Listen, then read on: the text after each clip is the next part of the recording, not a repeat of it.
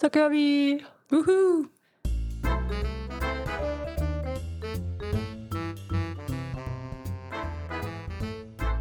Hej, jeg hedder Jenny. Og jeg hedder Nana, og det her, det er Diagnoseklubben. Hvis vi lyder lidt anderledes, end vi plejer, så er det fordi, vi simpelthen optager øh, et helt nyt sted. Vi optager i Jennys nye hjem. Mm. Så øh, vi sidder ikke længere ude på Amager. Nu sidder vi i stedet for inde midt i byen. Så hvis der er lidt, lidt ekstra larm, eller hvis der pludselig sker et eller andet øh, vildt, man ved aldrig. I nærheden af Rigshospitalet, så jeg ved, det kunne være, der pludselig var en form for sirene eller et eller andet. Ja. Så er det derfor. Og øh, nu havde vi et lidt øh, seriøst emne sidst. Ja. Så øh, i dag tænker vi, det bliver sådan lidt mere øh, hyggeligt. Lidt mere low-key. Også fordi vi er rigtig trætte, Ja. begge to. Det har simpelthen været en, øh, en weekend, hvor øh, vi begge to har holdt fødselsdag. Og Jenny er som sagt flyttet, og ikke helt færdig med at flytte. Så der sker mange ting. Ja. Og det bliver ikke nødvendigvis nemmere af at have nogle diagnoser. Nej. Uanset om man har diagnoser eller ej, så er det jo aldrig øh, super afslappende at holde to fødselsdage på en weekend, og i øvrigt være midt i en flytning. Det tænker jeg kunne, kunne gøre, at de fleste havde brug for lige at, at tage en slapper. Men det er på et andet niveau, når Ja. man også har nogle diagnoser. Og så generelt, før jeg kunne flytte, har der været en masse renovering, vi ligesom skulle have fikset. Så ved siden af ens jobs og sådan noget, så har man så også øh, stresset over renovering. Undskyld, jeg griner, men Gertrud øh, Killing synes, hun skal være med i podcasten, så hun sidder på mit skød og laver søde ansigter, der distraherer en lille smule. Det er meget distraherende. Hun er utrolig nuttet. når vi har skulle renovere nogle ting, og kæresten og jeg har ligesom også skulle finde ud af, hvordan gør vi det sammen og sådan noget. Og der, det har taget lidt på, på kræfterne. Øh, vi havde en deadline, der hedder, at min fødselsdag skulle holdes her for familien. Øh, og jeg kan godt mærke det på min krop, så også hvis jeg snøfter lidt, så er det fordi min krop prøver at sige til mig, at jeg skal slappe af. Øh, så det gør vi med at lave podcast. Men ja, nyt sted, Ja. fødselsdag, alt muligt. Vi er sådan helt, vi er begge to så trætte, vi ikke engang ved helt ved, hvor vi skal gå i gang, tror jeg.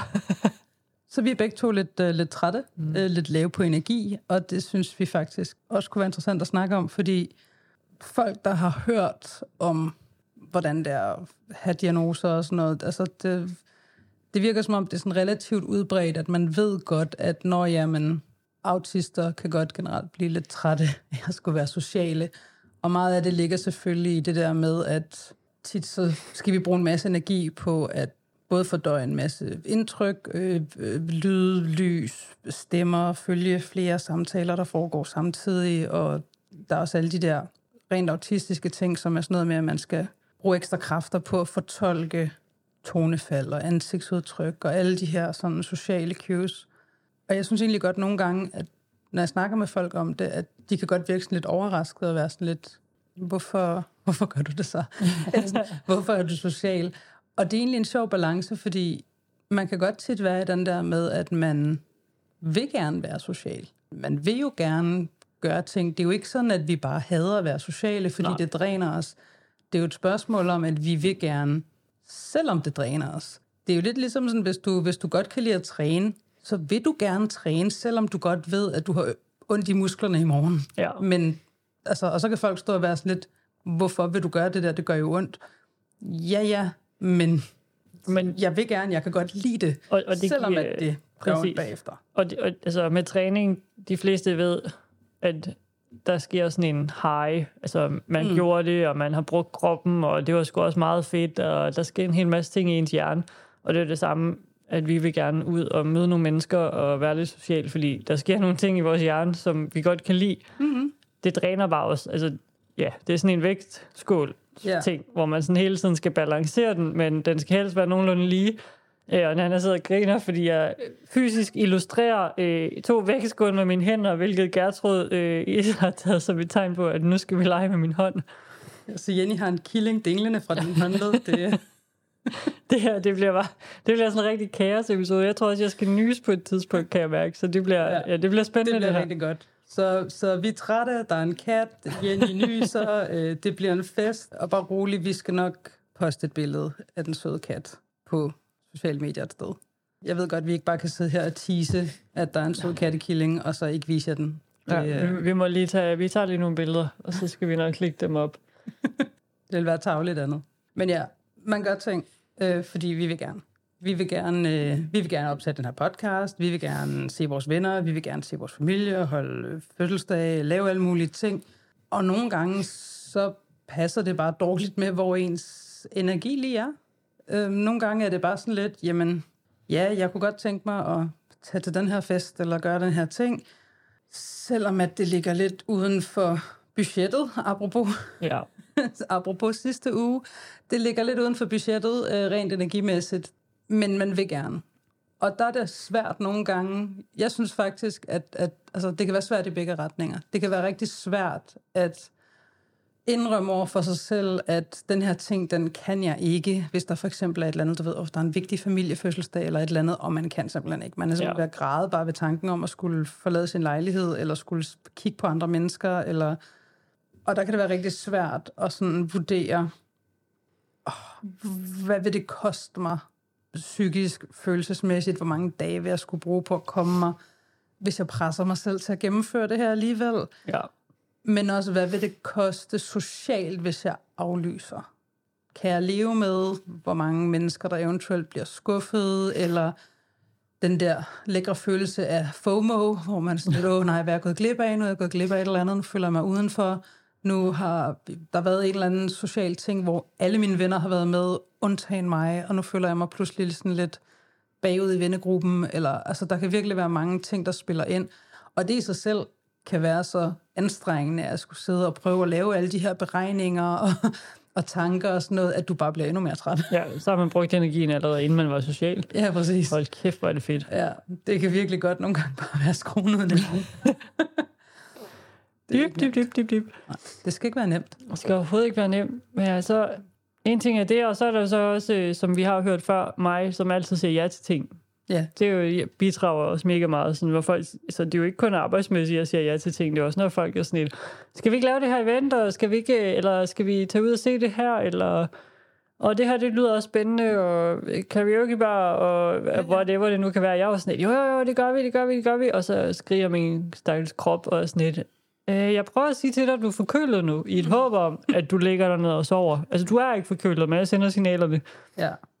Sådan lidt, altså, det er jo, du kan bare tage en panodil, så går det sikkert over. En næsespray, Ja. så kører det en vatrundel, så op i næsen, 20 hej, hvor det kører. Det det. Og så, Vi er vant til at ignorere ubehag, jo. ja, ja, præcis, det er ligesom sådan en kat. Ja. fortæller heller ikke, når det går ondt. Nej, nej. Og så er vi i virkeligheden bare katte. Det tror jeg lidt. Jeg tror lidt. Jeg er ret sikker på, at der er sådan en bog, der hedder noget i retning af, at alle katte er autister, og alle hunde har ADHD. Og så jeg, jeg ved ikke, hvad jeg Det er er. sådan lidt både en kat og en hund. Åh, oh, oh. fuck. en forfærdelig, forfærdelig blanding. Og sådan en skizofren, mærkelig kentaur, lignende dyr, halv kat, halv hund, der bare fiser rundt. Uh, uh, uh, uh, uh, uh, uh, uh. Men det er jo, det er. Det er jo derfor, det er så anstrengende. Det er derfor, det er så hårdt at have, at have flere diagnoser, fordi jeg husker det som, at der var visse ting, der var nemmere, før jeg blev udadvendt. Og det ved jeg godt lyder mærkeligt. Jeg har altid været udadvendt. Men da jeg var yngre, da jeg var sådan start 20'erne, øh, sen teenager, og som barn, der var det ikke rigtig et problem, fordi, jamen, jeg havde ikke rigtig nogen venner. Jeg havde ikke noget socialt liv. Det eneste, jeg lavede, der var ikke rigtig nogen tegn på, at jeg havde ADHD faktisk, andet end at ting gik meget hurtigt ind i mit eget hoved, og jeg var sådan lidt sådan fysisk restløs og sådan noget. Men fordi jeg ikke rigtig havde nogen steder at gå hen, eller nogen at være sammen med, så sad man jo tit bare på sit værelse og læste bøger, eller lavede et eller andet, sad og stenede. Det blev meget sådan, den autistiske side af mig, det var også derfor, det var lidt en overraskelse for mig, for at vide, at jeg også havde ADHD, da jeg blev udredt, fordi jeg var helt sikker på, at autismen var der. Ja. Ligesom med Jenny, hvor vi var helt sikre. Alle, der kendte Jenny, var helt sikre på, at ADHD'en var der. Øh, autismen var, var lidt en overraskelse, og så alligevel ikke, fordi man var sådan lidt, jo, vi kan egentlig godt se det. Men, men det der kæmpe store H i ADHD, det skyggede lidt for resten. Men der var mange ting, der var nemmere, fordi jeg blev relativt sjældent overstimuleret ja. som barn. Altså jeg kunne godt, hvis der var en eller anden, hvis der var en eller anden krise, eller hvis man fik skal ud, eller hvis man var blevet slæbt med til et eller andet socialt arrangement, så kunne jeg godt mærke, at sådan, Åh, det kunne jeg ikke overskue. Men jeg var også så relativt heldig, at for eksempel min mor havde en meget sådan afslappet holdning til det. Øh, jeg forlod min egen konfirmation. Den blev holdt i kælderen under, øh, øh, under den, øh, det lejlighedskompleks, vi boede i. Der var sådan en festlokale. Og så, du ved, det havde været en lang dag, der havde været alt det der i kirken, og der, havde, der var en masse, der var, der var 40 mennesker, det var hele min familie, det var meget stort. Og så nåede vi sådan en punkt på aftenen. Jeg kan ikke huske, om jeg sagde noget. Jeg ved ikke, om jeg sagde noget. Det kan godt være, at jeg lige har sagt til min mor, at jeg lige gik op. Så gik jeg op i vores lejlighed. Så lagde jeg mig på min seng i mit fine tøj. Og så læste jeg lige en bog. Og jeg tror, der gik halvanden time eller sådan noget, før jeg kom ned igen. Og jeg fik også sådan at vide, at folk havde været sådan lidt, hvor hun henne? Og min mor havde bare sådan trukket på skuldrene og været sådan lidt, jeg tror lige, hun holder en pause.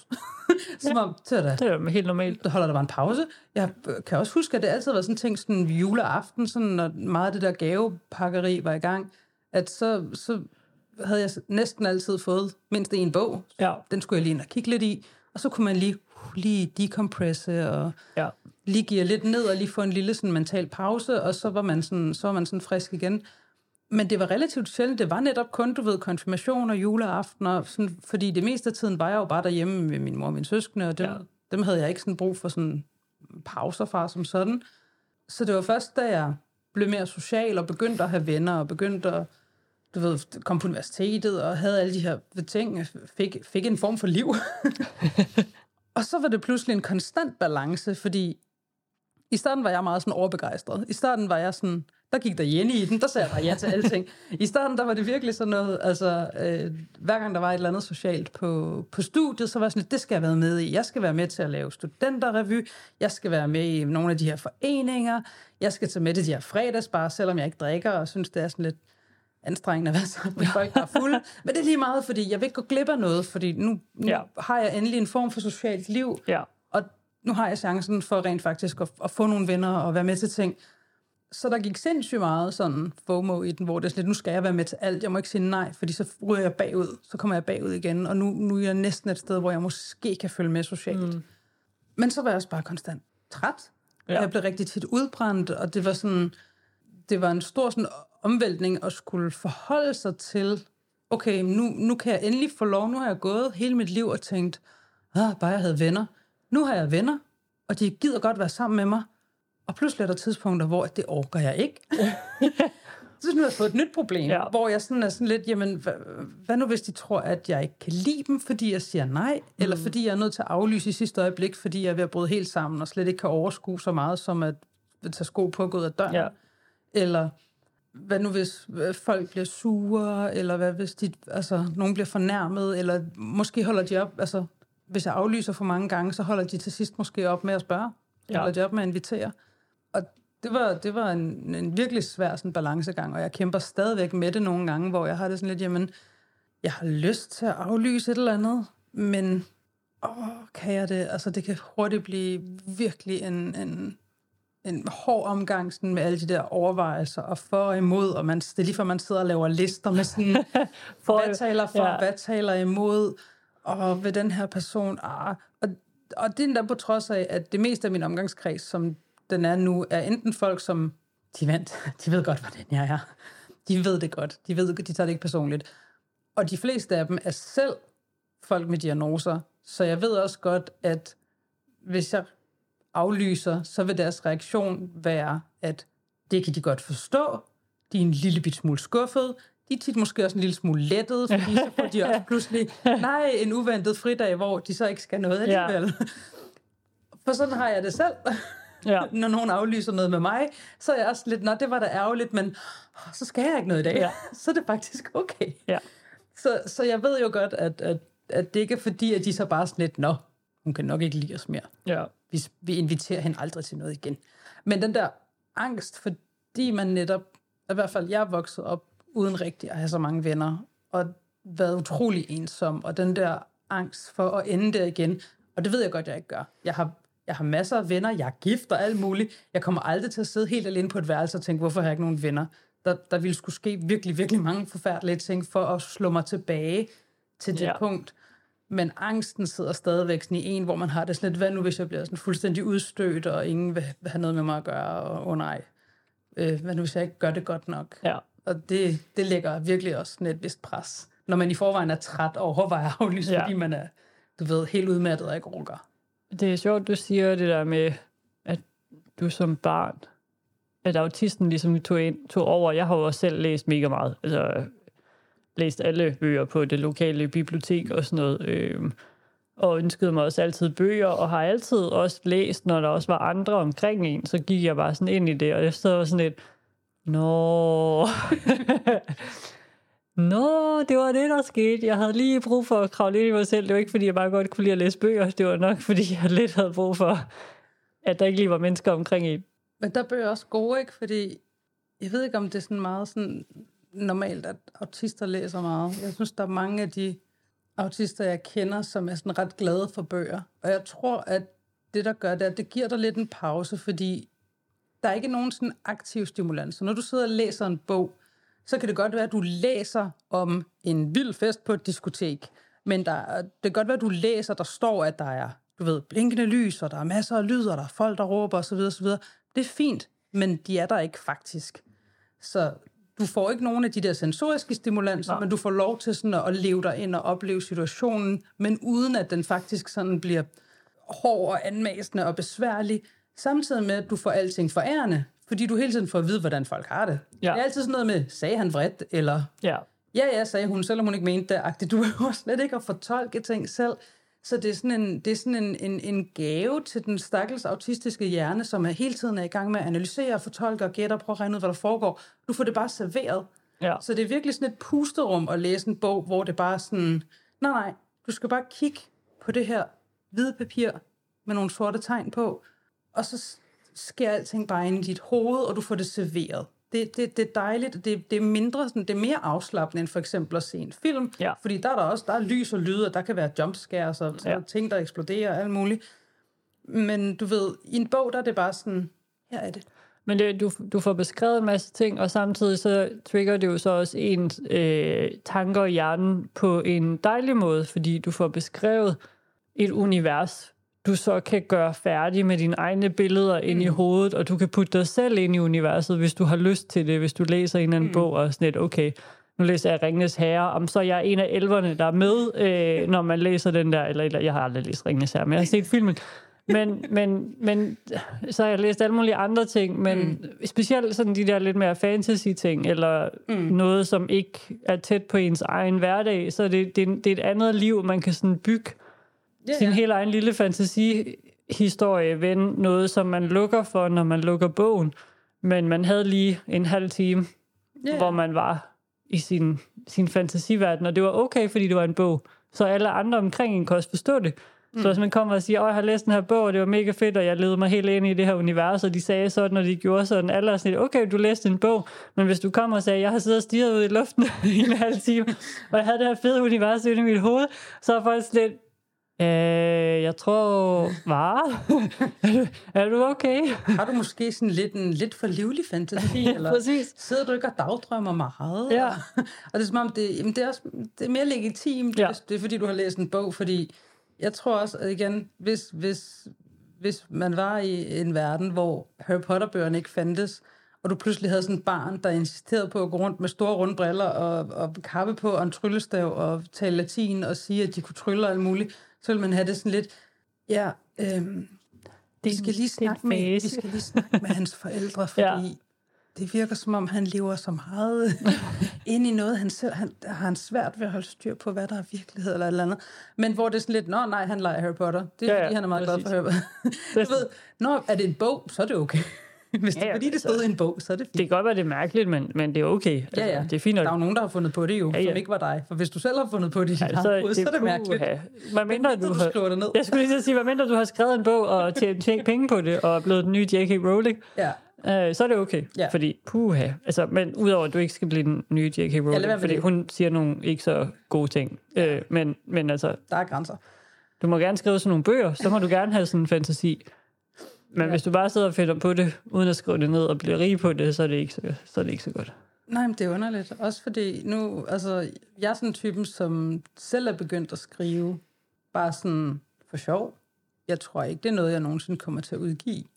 Nogle gange skriver jeg også bare sådan mærkelige digte, hvor, hvor jeg bare sådan sidder og frustreret over et eller andet. Så skriver jeg det ned. Og jeg har aldrig været sådan et, der skrev. Jeg har altid været sådan et, der læst, og så mm. folk sådan lidt, du læser rigtig meget, har du overvejet at blive forfatter? Og så er han sådan lidt, det er jo bare noget, man bliver. Du kan ikke bare gå op til din studievejleder og være sådan lidt, jeg vil gerne være forfatter. det er sådan lidt, du ved. Ja, så, så kan du læse det og det og det. det, det kan du ikke. Sådan, der er jo ikke nogen garanti for, at du får succes eller kan leve af det. Eller sådan. Så jeg har altid været sådan lidt, det virker, det virker for usikkert Ja. og for stressende.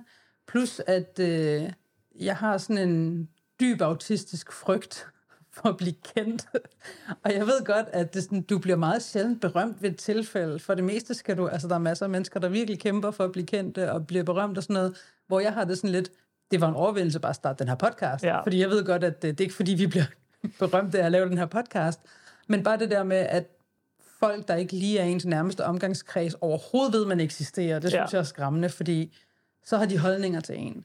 Så er der måske nogen, du ved, så måske vil de kritisere en, og som vi også snakkede om sidst, jeg har oplevet, at fremmede mennesker er kommet op til mig på gaden og har kritiseret, hvordan jeg så ud. Ja. Så jeg har det sådan lidt... En ting er, at de kritiserer, hvordan jeg ser ud. Det er dem, der er nogle assholes. Men hvis de kritiserer min personlighed og hvem jeg er, Ja. det er jo virkelig sådan en, en dybere, sådan, du ved, kommer og siger, at jeg har nogle forkerte holdninger til et eller andet, eller sådan noget, så, så bliver jeg sådan lidt, det kan jeg ikke overskue. Det, så skal man til at håndtere det, og det, puh, nej, og jeg har virkelig sådan, jeg har aldrig fulgt med i sådan slad og presse og kendisliv, og jeg er fløjtende ligeglad med, hvad de kongelige laver. Jeg ved ikke, hvad. Nej, men hvis nogen kommer og siger, at der er sket noget med nogle kendte mennesker, sådan noget, jeg ved ikke, hvem de er. Ej, Nana, du, skal, du skal have en holdning til, øh, til kronprinsen, der har holdt øh, fødselsdag og inviteret øh, en masse mennesker. Jeg vil sige, altså, den eneste grund til, at jeg ved bare en lille smule om kronprinsen, det er, fordi han har fødselsdag samme dag som mig. Så nu er min fødselsdag officiel flagdag. Så tak for det til prins Christian. Ej, Nu, nu bliver der flade på min fødselsdag hvert år fremover. ej, det var, ej, det er lidt sjovt. Da vi kørte hjem til din fødselsdag i går, så jeg sagde, hvorfor, hvorfor flager det? Så er Andreas sådan lidt, min kæreste, det er fordi Nana har fødselsdag. Og jeg købte den bare var sådan, ja, ja, fint, det siger vi til Nana, hun har fået en flagdag nu. Og du har fået en flagdag, jeg har fået fordi... en flagdag. Ja, det er det. Det er fantastisk. Nice. Så øh, det sætter jeg stor pris på. Ej, det synes Øhm. jeg er spændende. Ja, så nu flager de. Og jeg blev faktisk overrasket, da jeg læste, at det blev flagdag, fordi jeg har i mange år lagt mærke til, at der var, jeg synes tit, der var flag på busserne på min fødselsdag. Og jeg ved ikke, om det bare er, er busserne, der bare sådan kører deres helt eget autonome system, hvor de flager, når det passer dem, eller hvad. Men jeg synes tit, der var flag på busserne, og så spurgte jeg på et tidspunkt buschauffør, og det er altså mange år siden, det er sådan mm. 20 år siden, så spurgte jeg buschaufføren, hvorfor de flagede, og så sagde de, du ved, prins Christian, og så var jeg sådan lidt, okay, det giver god mening. Men så er det åbenbart først nu, det er blevet officielt flagdag, så jeg ved ikke, om de så har flaget uofficielt, fordi men, der har været flag på min fødselsdag i mange år, synes Men, jeg. men en ting er busserne. Jeg tænker, hvis man gør det til en officiel flagdag, Ja, ja, så så, er er det der nogle alt. andre, der også flager. Det kan godt være. Men jeg ved det ikke. Altså, jeg ved faktisk overhovedet ikke skid om flagdag. Øh, vi har en ven, der ved noget. Vi kan, vi kan ringe til David. Det, det, det var faktisk ham, der gjorde mig opmærksom på, at det var blevet flagdag. ah, ja, Det, selvfølgelig. han, Det, skrev er til klart. mig, han skrev til mig i fredags, eller sådan noget, da, da, da det kom i nyhederne, og så sagde han, at uh, tillykke med, at jeg havde fået en officiel flagdag, og så var jeg helt forvirret. Så hvad? så der, øh, Ja. han ved alt om flag. Det er altid godt. Det er godt med de der venner. Jeg vil sige, han har officielt ikke nogen diagnoser, men han er meget glad for tog, og han ved alt om flag. Og så lukker vi den bare der. Vi kan tilføje, at han er også meget glad for lokalavisen. Ja. Ja. Ikke avisen, men lokalavisen. Det skal være en lokalavis. Jo mere lokalt, jo bedre. Ja. Og veteranbiler. ja. Ja. Han var meget begejstret, da jeg flyttede til en lille bitte by, der hedder Ørslev. Og ikke den store Ørslev, de fleste tænker på. Den lille bitte uden for Ringsted. Fordi der var Ørslev lokalavis, og mm. det var spændende. Igen, det skal være de lokaleste nyheder. Ja, Det, jo mindre der sker, jo bedre. ja det, det er bedst. Det der er vi andre, hvis vi har brug for sådan et kig, vi går ind i en Facebook-gruppe og kigger, øh, er nogen, der har set min kat? Er der nogen? Øh? Det vil jeg så også lige sige. Nogle af de der lokale... Øh, og jo flere disclaimers, der er i titlen på. Facebook-gruppen, jo bedre. Hvis det er sådan noget med, at der står et eller andet, du ved, et eller andet postnummer, og så, I don't know, jeg kan ikke nogen postnummer uden ad. Men hvis vi bare siger 2300 øh, Amager, og så, du ved, øh, øh, alt er tilladt, eller ingen Ja. regler, eller ingen uden censur, eller sådan et eller andet, så ved man bare, åh, det er sådan en udbrydergruppe af alle dem, der synes, at den officielle gruppe havde for mange regler. Så det bliver endnu vildere, og det er altså, det er vanvittige ting. det, det er sådan nogle fede ting. Jeg kan huske, det, det, det eksploderede helt, øh, da jeg boede ude i den der lille bitte by. Mm. Fordi strømmen gik på et tidspunkt. Havde de en Facebook-gruppe? Ja, der var, øh, altså, øh, ja, den hed 4100, fordi vi havde postnummer som Ringsted, tror jeg. Og så Ørslev, alt er tilladt. ja, alt er tilladt. Og så gik strømmen, og så kommer der bare 40 opslag. Strømmen er gået. Mangler I andre også strøm? Hvad sker der? Hvad sker der? Hvordan er du på Facebook, hvis du ikke har noget strøm? Men bare sådan, træk, træk lige været et øjeblik. Der er allerede en, der har skrevet ud, mm. og der er en eller anden, der vidste noget, der har svaret i det opslag. Øh, og i øvrigt, så var det jo bare sådan nogle, det var sådan nogle splitsekund. Det var ikke sådan, at strømmen den var gået i fire timer. Det var bare sådan, strømmen er lige afbrudt et øjeblik, og så er det kommet retur. Nogle er kommet til noget nede på elværket. Altså, ingen problem. Men, men man vidste bare, at når der skete sådan noget i den stil, du kunne altid få en hel formiddag til at gå med bare at kigge ind i den der Facebook-gruppe, fordi så startede diskussionen. Og Gud nåede at trøste dem. Der, altså, jeg boede lidt uden for byen, fordi øh, bevares, øh, jeg skulle nødt bo tæt på andre mennesker lige i den periode i mit liv. Men, men nede i byen, hvis der var nogen, der tændte for græslåmaskinen efter kl. 8 om aftenen. Oh, oh. Hvem er det, der skal græs kl. 20.03? Stik imod reglerne. Stik imod reglerne. Man er sådan et, altså, vi bor i en... Altså, vi bor i fucking Ørslev. Altså, bare navnet Ørslev og det er uden for Ringsted. Altså, det er sådan noget, før jeg fik bil, så skulle du tage hjem fra arbejde senest klokken halv fem, fordi du skulle være sikker på at nå til Ringsted og nå det sidste bus til Ørslev. Mm. For den gik sådan 17.30 eller sådan noget. Så langt ude på landet, der busserne stopper med at køre. Ja. Og sådan, altså, det går nok, du kan vel gå ind og lukke vinduerne, hvis du ikke kan klare at lytte på, at naboen han eller hun slår græs, og jeg er sådan lidt, det kunne også være, at der var nogen, der havde sådan arbejde i løbet af dagen, ja. og så kommer de hjem og skal aftensmad, og øh, de har weekenden booket op med fødselsdag og flytning, så måske skulle der lige slås græs. det er nogle sindssyge ting, de der folk, de kan gå, gå amok over i de der små lokalsamfund. Ja, Jamen, det er, det er sjovt, når det bliver sådan meget, meget lokalt. Vi har også en Facebook-gruppe for, øhm, for den bygning, jeg ja. bor i, Altså, der bliver det også virkelig lokalt. Altså, det er simpelthen kun bygningen. Og det er også sådan noget med, at der sker sjældent noget. Ja. Men, men når der gør, så er det sådan, enten nogen, der vil, der flytter ud og vil sælge eller give et eller andet væk, hvor det er sådan, er nogen, der vil købe den her sofa, vi flytter, ja. eller er der nogen, der vil købe de her patienter, det, de er specielt så de passer præcis til de her vinduer, eller et eller andet. Ja. Det er jo relevant nok. Øh, eller nogen, der har fundet en nøgle i en elevator. Og så er der de der mavesure nogen, hvor det er sådan noget med, at nogen har taget et billede af, at der er blevet smidt noget skrald ind i elevatoren. Og så... Åh, oh, skrald. Og I stedet for lige at samle det op, fordi tit er det sådan noget med, du ved, det er en tom pakke cigaretter, eller det er, du ved... Det er noget, nogen har tabt, da de ja. var på vej ud af døren. Eller øh, for eksempel sidste januar, hvor at jeg på et tidspunkt stod ind i elevatoren, og så lå der et par håndfulde sådan visne grænnål. Ja. Nogen havde tydeligvis kørt ned med deres juletræ, som var, havde drysset en del ind i elevatoren. Og der var to rasende opslag, som var sådan noget med, hvorfor gør folk ikke rent efter sig, og havde det sådan lidt, det er grænnål. Ja. Det er okay. Det er lige meget. Vi betaler for rengøring. Og sådan, ja. der, kommer, der kommer et firma, og du ved, støvsuger og gør rent og sådan noget hver uge eller et eller andet. Jeg synes også, det er meget for langt, at folk, der lige skal ned, og så meget er det heller ikke. Altså fair nok, hvis vi, altså, hvis vi stod i grænnål til knæene.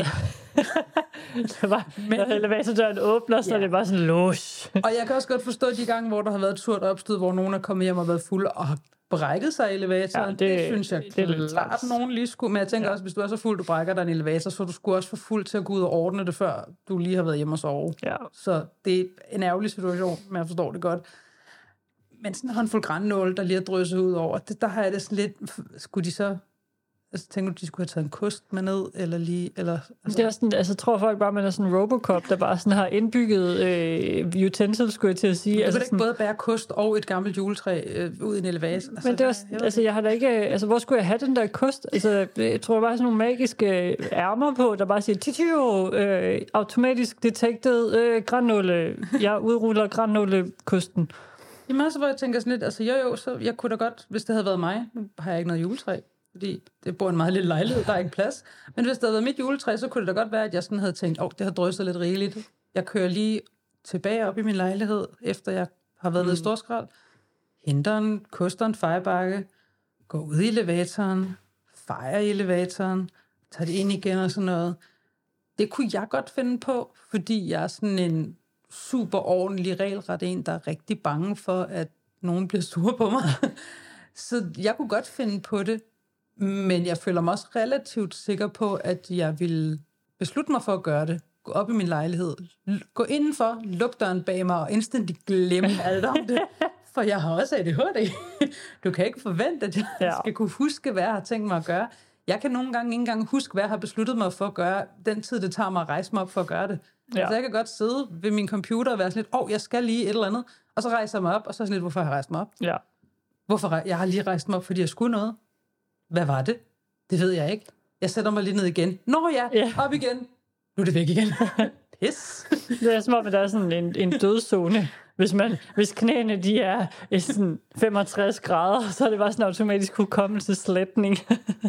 Jeg har sådan tit joket med, over for min mand med, at mit hoved, det er ligesom de der gamle sådan etch-sketches, ja. hvor du havde sådan en, hvis I er meget unge derude, og ikke er midt i 30'erne, som os, så nu vi lige haft fødselsdag, er stadig midt i 30'erne.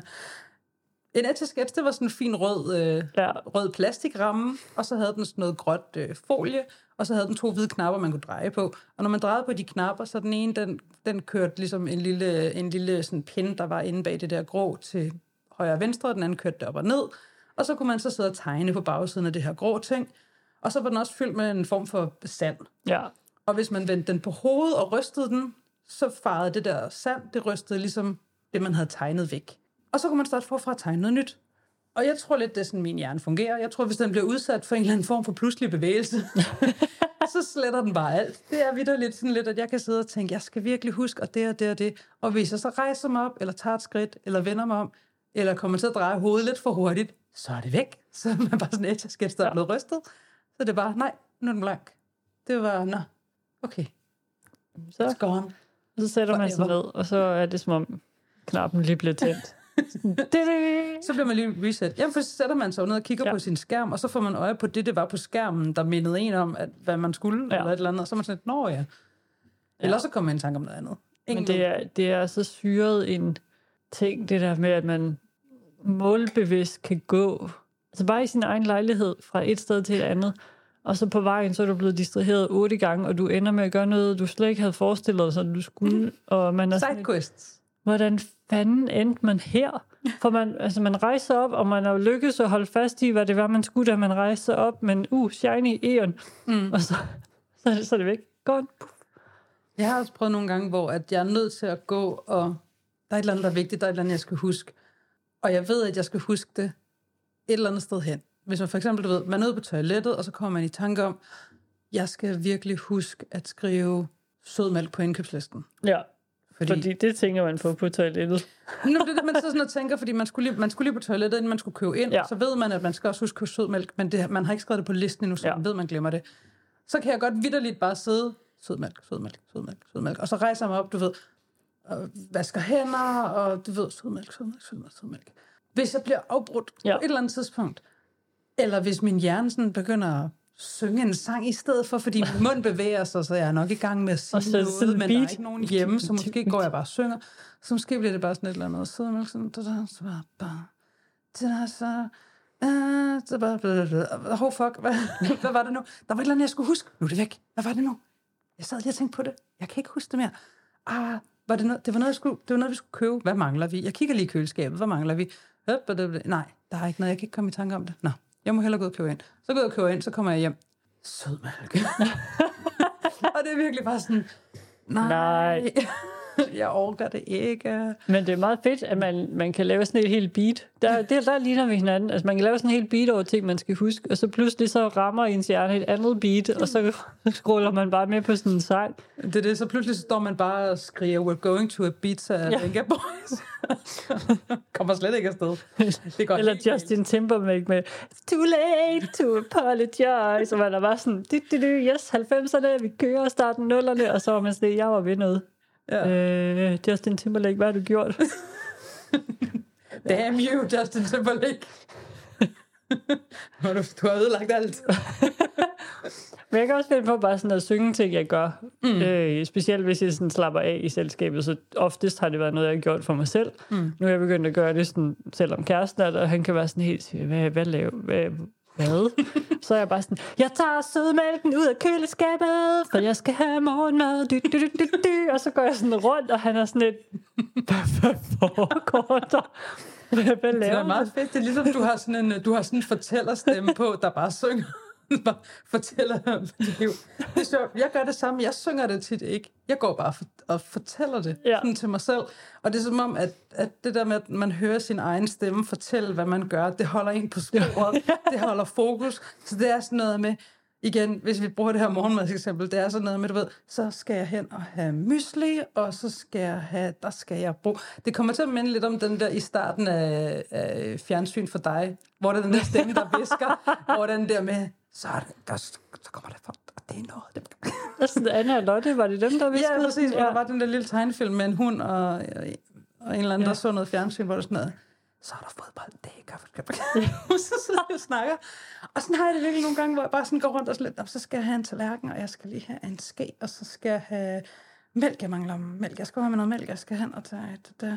Og så skal jeg have det her, og skal det op, og så skal jeg lige huske, og jeg skal have pille, jeg skal slet have et glas vand, så jeg kan tage min pille, fordi det er svært at sidde og sluge piller ved bare at drikke en skål med mysli. Det bliver noget rod. Øhm, så går man sådan ligesom og fortæller sig selv, hvad det er, man gør. Og så er det sådan, hvis, hvis, man, hvis man lige bliver distraheret et øjeblik, så kan man nogle gange huske tilbage på, for man har jo lige hørt en selv ja. sige, hvad man var i gang med. Så jeg har lige sagt, så skal jeg bare have noget mysli. Og så står jeg og tænker, hvad laver jeg egentlig? Jeg skal bare have noget mysli. Jeg skulle have mysli. Det var det, jeg skulle. det var da godt, jeg lige kunne fortælle mig selv, hvad det var, jeg skulle. For jeg kan ikke huske, at, hvad, jeg, hvad jeg havde tænkt mig at gøre. Men jeg kan huske, hvad jeg lige har hørt. Ja. Og det er to helt forskellige dele af hukommelsen. Ja. Og de er ikke begge to blevet slettet, heldigvis. Så jeg har en backup. Men det, altså... Hvad fanden var det? Nu glemte jeg, hvad jeg ville sige. Meget apropos. Oh. Du skulle have sunget det, Jenny. Jo, ja, nej. Øh, det var sådan, jeg bestod mit kørekort. Mm. Øh, fordi så sidder man der til køreprøve, og jeg er sådan lidt, om jeg godt må sige højt, hvad det er, jeg gør. Og hende, øh, den motorsavkyndige, hun er sådan lidt, øh, ja, ja, det, det må du godt. Så jeg sidder bare der og kører, og så skal...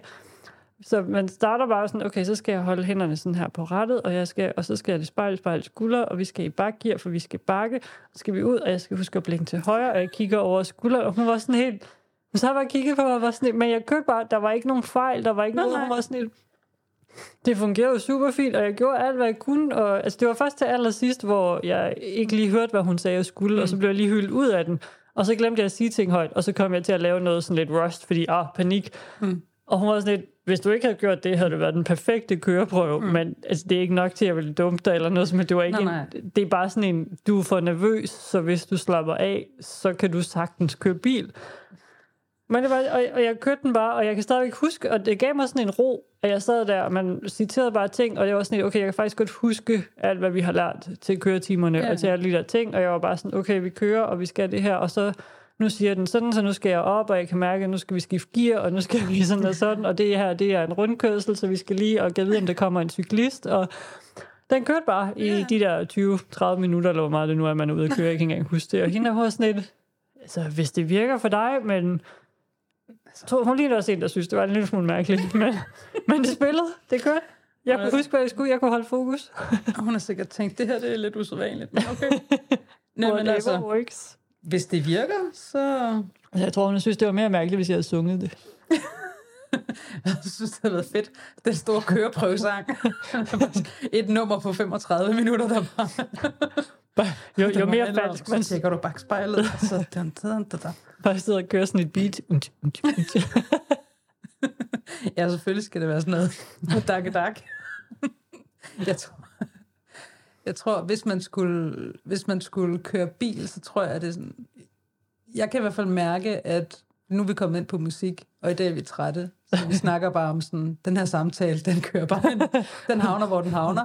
Men jeg kommer lidt til at tænke på det der med musik, fordi jeg tror netop, der er noget med det her med lyd, hvor at selvom at man nogle gange kan have det sådan lidt, jeg har brug for stillhed. Mm. Jeg, har brug, jeg, jeg overgår ikke lyd og tale og så videre, så videre.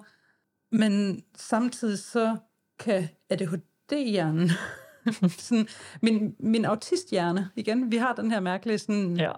Fordeling af, at vi har to forskellige, to forskellige sider. Og nogle gange kan jeg godt have det lidt sådan, at min autisthjerne har brug for ro.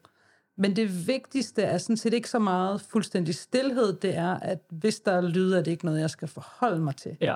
Det vil sige, det må ikke være lyd, der på nogen måde får uroligende. Så, altså hvis det er sådan, du ved, åh, sirener eller en mærkelig bankelyd, eller nogen, der borer, det bryder jeg mig ikke om. Men lav musik er okay, Ja. så længe det ikke er noget, jeg skal forholde mig til. Det Ja. skal ikke være nogen, der taler til mig, hvor jeg skal svare og tænke og sådan noget. Fordi samtidig vil ADHD-hjernen tit gerne have, at der konstant er en eller anden form for stimulering, og det behøver ikke at være højt stimulerende, men hvis der bare sådan er, altså igen det her med, øh, aldrig har kunne lære sådan noget meditation og mindfulness, i hvert fald ikke på den klassiske måde, fordi hvis jeg bare skal sidde der, og der er helt stille, og jeg ikke skal gøre noget, så bliver jeg sindssyg Ja. i løbet af 20 sekunder. Det er et Altså, vanvittigt koncept. og man har ikke nogen tidsfornemmelse, Nej. så man føler, man har siddet der i 40 år, ikke? og der er gået 20 sekunder, og man er lige ved at eksplodere.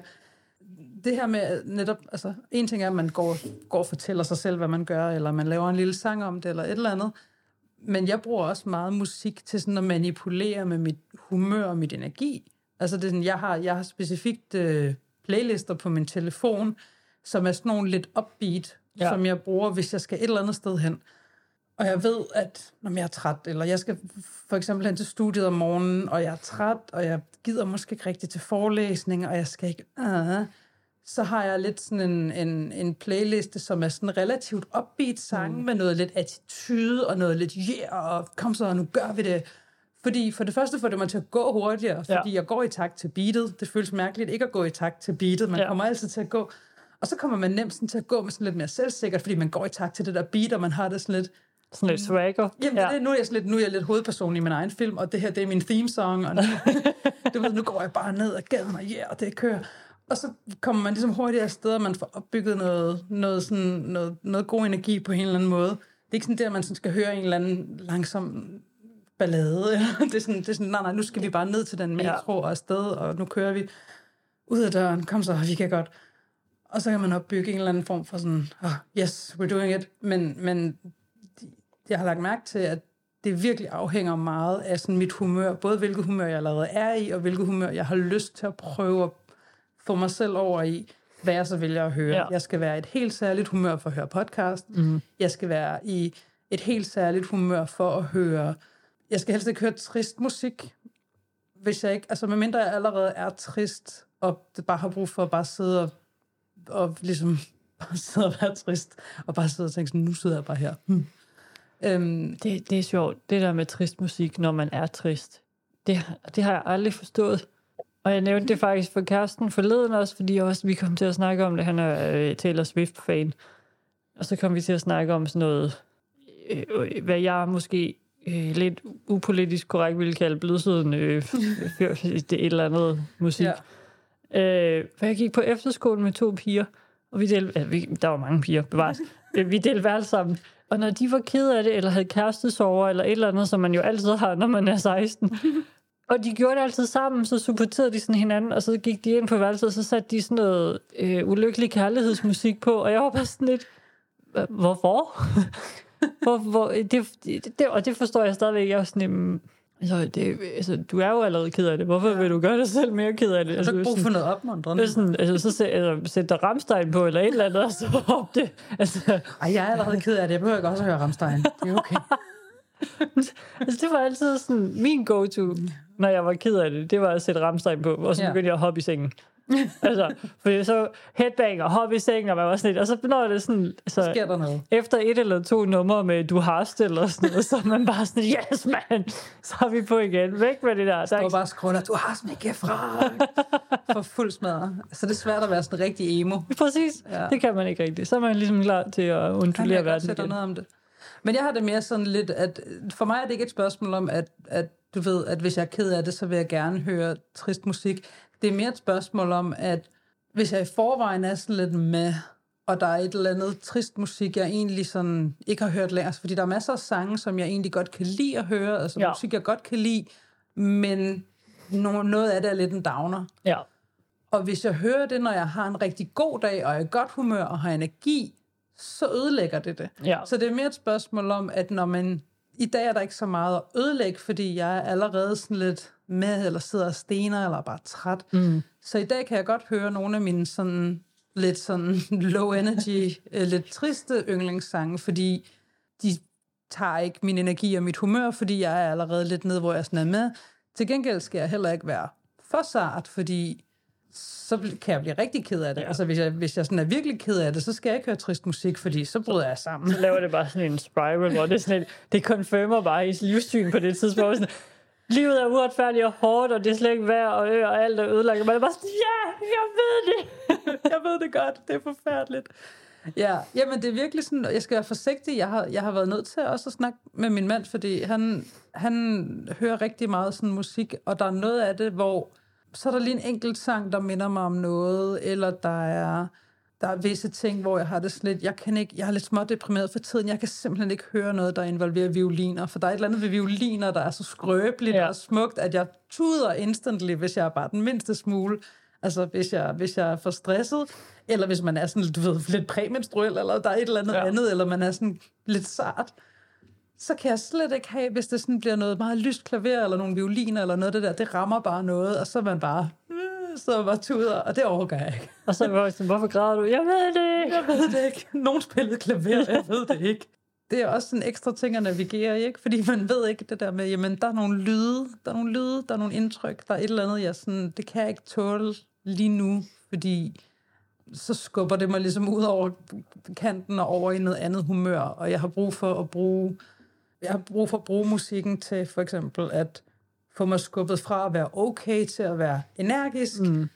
men jeg vil helst ikke komme til ved et uheld og skubbe mig fra egentlig at være energisk til pludselig at være sådan lidt øh, energiforladt ved at høre det forkerte, eller så det er sådan hele tiden det der med sådan, det her kan jeg ikke høre lige nu, og det er det samme med for eksempel at se film og serier. Der, det er også noget, hvor jeg er meget påvirkelig, fordi selv sådan noget som Disney-film, ja. Disney-film og Pixar-film og sådan noget, de er jo lavet, så børn også kan se dem. Ja.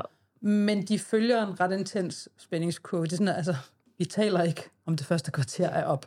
Altså, vi, ved, vi ved godt, at de nogle gange er virkelig brutale. ja. Og, og, og vi ved også godt, at det ender godt, så derfor kan vi godt klare os igennem det der punkt i næsten alle Disney-film, hvor man tuder. Sådan har jeg det i hvert fald. Ja. De fleste Disney-Pixar-film, der er mindst et punkt, hvor man tuder eller er tæt på det. Men man ved også godt, at det hele ender på en relativt positiv, tilfredsstillende måde. Ja. Men det er ikke altid, jeg overgår den rutsjebanetur. Ja. Selvom jeg ved, at det nok skal ende godt, så, så kan jeg mærke, at når man lige i dag, der er mit humør, der er jeg for træt. Altså, jeg vil ikke kunne, jeg vil ikke kunne se en Disney-film i dag, fordi igen, det har været lidt nogle pressede uger, og der har været fødselsdag i går, og jeg er træt i dag, og så videre, så videre. Jeg vil ikke kunne sætte mig og se en, et filmdrama overhovedet, men jeg vil faktisk heller ikke kunne klare at se bare en Disney-film. Så skulle det være en, jeg havde set før. Og der tror jeg også, en af, en af grundene til, at autister tit er glade for sådan gentagelser, det er fordi, der er den der tryghed med, at vi ja. ved præcis, hvordan den her ting påvirker os. Ja. Vi, vi kender den her film. Vi ved, om der er nogen sådan... Der, der er en hjemmeside, der hedder Does the Dog Die? Som udelukkende er en liste over film med hunde, og hvorvidt den hund dør. Så det er sådan noget, du ved, katastrofefilm, zombiefilm og sådan noget, men hvor at familien har en eller anden hund, fordi der er masser af mennesker, som ved, at de kan ikke håndtere at se Ja. en film, der ender med, hvis der er sådan en hjertegribende scene, hvor hunden dør, det ja. kan de ikke. Lille Woofy. Præcis. Det, der er nogen, hvor de sådan lidt, jeg vil slet ikke se en film med en hund, ja. hvis hunden dør, fordi det kan jeg ikke tåle. Og sådan har jeg det med mange andre ting, hvor nu ikke kun lige med hunden, men bare sådan generelt det der med, at hvis det er en film, jeg ikke har set før, så ved jeg ikke. Jeg var ikke forberedt på op, for eksempel. Den synes jeg lige Ja. er en tand værre end så mange andre film. Det synes jeg var hårdt. Og det er en af dem, jeg ikke har set igen. Jeg kunne egentlig godt tænke mig at se den. Jeg tror, jeg har set den to gange. Men det er ikke en som mange andre film, hvor jeg har sådan lidt om det. Den kunne jeg da godt tænke mig at se flere gange. Men jeg har det sådan lidt... Jeg orker ikke. Og op af min yndlingsfilm. men ja, men jeg har det sådan lidt... Ja, lige den, der har jeg sådan lidt, den, lige den orker jeg ikke. Og der er mange andre, hvor jeg har det også... Altså, Løvernes Konge var også en af mine yndlingstegnefilm. Jeg synes, at den er så hård, den der scene, hvor du ved, Mufasa dør og gnuerne, og altså, der, er sådan, der er alle de her ting, hvor jeg har det lidt, men, men jeg ved præcis, hvor slemt det er. Ja. Så jeg kan vælge, har jeg energi til at se den her? Jeg vil kunne vælge at sige, nu, jeg vil ikke, vil ikke skulle se op i dag, for eksempel. Nå, vi vil bare tude allerede, inden den starter. Men det der med, at, at hvis, hvis det du ligesom skal udsætte dig selv for, hvad enten det er en en film eller musik eller et eller andet, så hvis du allerede har set det før, ja. Ja. så ved du, hvor påvirket bliver jeg af det her, og har jeg energi til det, du kan budgettere med det. Ja. Det kan du ikke på samme måde med ting, du ikke har set før, eller for eksempel sociale events, Ja. som jo er kaotiske, og du ved ikke, hvad der sker, du ved ikke, hvilket humør kommer alle andre er i, hvad kommer der til at ske, bliver det sent, øh, hvad kommer vi til at snakke om, hvad, altså, hvor hurtigt bliver jeg drænet. Mm. Så der kan jo ligesom være noget tryghed i det her med, at vi siger, men jeg, jeg orker egentlig ikke at skulle noget ukendt i dag. Jeg har ikke energi til at skulle gøre noget, jeg ikke ved præcis, hvor meget følelsesmæssig og mental og psykisk og fysisk energi, det vil kræve af mig at deltage i det her. Ja. Så det sikrer bare at sige nej. Men det gør det utroligt svært at budgettere, fordi du netop ikke ved, hvad du budgetterer med. Ja. Det er sådan lidt, nogen kommer sådan og prøver at sælge dig et eller andet, så sådan, vil du købe det? Hvad koster det? Et eller andet sted mellem 500 kroner og 10.000, vil du have det? Det ved jeg ikke. Jeg har muligvis ikke råd. Ja. Det lyder tillagende, men, men det er lidt svært at budgettere med, når jeg ikke ved, hvad Ja. prisen er. Det, det kan du ikke bare... Altså, så, så bliver det et nej tak herfra. Ja. Og så er det, man ender med at sige nej til alting, hvis man er mig, og ja til alting, hvis man er Jenny, fordi hun tænker, det går nok. ja. Det er sikkert Det fint. klarer vi nok. Og, og det gør jeg jo så alligevel ikke helt. Altså, Nej. jeg, jeg, jeg gør det rigtig meget, men jeg ved også, altså med planlægning med ting, man skal med kæresten og familierne og alt sådan noget, så altså, han er jo sådan helt, min kæreste er mere sådan en, han tager det lidt, som tingene kommer. Mm. Så finder vi sgu nok ud af det. Altså, vi kigger på det event, der kommer først, og så er det sådan lidt, det går sgu nok. Hvor jeg er mere sådan lidt, jamen, vi skal også noget i december, og jeg har lige pludselig enormt måneder. brug for at vide, hvornår tager vi afsted, og hvad er planen, og hvad skal der ske, og øh, hvorfor har vi ikke styr på de her ting, og han er sådan lidt mere, jamen, det er til december, så skal vi ikke finde ud af det der. Så, men nogle ting, der har jeg virkelig meget brug for, at der lige ligger en plan. Altså Mm. planen må godt ændre sig, men, men der skal være en plan. Og, Mm. øh, så det har, det har også været spændende at renovere lejlighed sammen. der har vi haft en lidt forskellig tilgang til det, så der er nogen, der siger, at IKEA er hårdt, øh, som sådan en partest. Jeg tror, vi har testet os selv på nogle andre ting, øh, men øh, Der kaster du også sådan dejligt sådan, øh, et ekstra kaoselement Ja. i det, som for eksempel håndværkere, der ikke dukker op. Ja. Øh, altså, fordi der er pludselig alle mulige andre ting. En ting er, en ting er sådan, du ved, jer to, der skal håndtere, og du ved, man skal flytte sammen og finde ud af, hvad skal vi købe af møbler, og hvad, hvilken farve skal den her væg males i, og hvad gør vi? Men hvis det så også er sådan noget med, øh, vi får jo gæster i morgen, og VVS-manden har lige aflyst, så vi har ikke nogen opvaskemaskine. Nå, okay, men det tager vi da bare lige stiv det tager eller vi stiv om. Og så vil jeg lige sige, øh, jeg tror snart, vi skal slukke det her afsnit, fordi nu er det gået en hel time næsten. Jeg vil bare lige sige, at en VVS'er, der aflyser en aftale om formiddagen på en helt almindelig hverdag, fordi han er blevet våd, det, det er ikke okay. Ej, det er okay. Altså, der, der er en VV, som VVS'er, der må man have skiftetøj ud i bilen. Jeg kan simpelthen ikke forstå, at når man har et arbejde, hvor der er en risiko for, at man bliver våd, fordi har har sprængt vandrør, eller man kommer til at gøre noget forkert, altså, så kan man lige skifte tøj. Men at man synes, det er okay at sige klokken 11, halv 12 på en hverdag, at øh, min arbejdsdag, den skulle slutte. Jeg er Ja. blevet våd. Jeg er nødt til at tage hjem og tage tørt tøj på, og så kommer jeg ikke ud igen. Jeg, jeg er sgu blevet våd. Og det kan godt være, at jeg lige har været op ved de her mennesker, som havde stået og sagt, at øh, det var lidt vigtigt, det her det blev fikset, fordi det skulle have været fikset dagen før. Altså, de klarer sig nok hen over weekenden. Ja, der, og det er det, vi er enige om, Kæreste og jeg. Ja, Der kan vi finde en fælles grobund. meget enig om. Ja, så hvis du sidder derude og VVS'er derude, så Ja. ja. overvej lige at enten tage på arbejde i vaders, eller have et, et par tørre bukser med, Eller øh, så- hvis du skal ud og kigge på et, et vandrør. For der er en vis risiko for, at du måske bliver våd. Eller som min øh, meget søde øh, nordjyske mor sagde, da vi fortalte historien. Der skulle da også varmt nok i den her lejlighed. Han skulle da bare være dukket op i. Jeg er sådan lidt, ja, mor. Det, det kunne han da bare. Bare dukke op i underhylder. Ja, det er det. Ja, Ja. Spørger man lige kunne hænge dem tør på et varmeapparat. ja præcis. Ja, for de jyske ord, så må vi hellere. Ja. slutte det her øh, lidt tilfældige afsnit. ja, vi håber, I er øh, tørre derude, og ikke, og ikke alt for trætte. Ja, Og vi lyttes ved. og pas på jer selv. Hej. Hej, hej.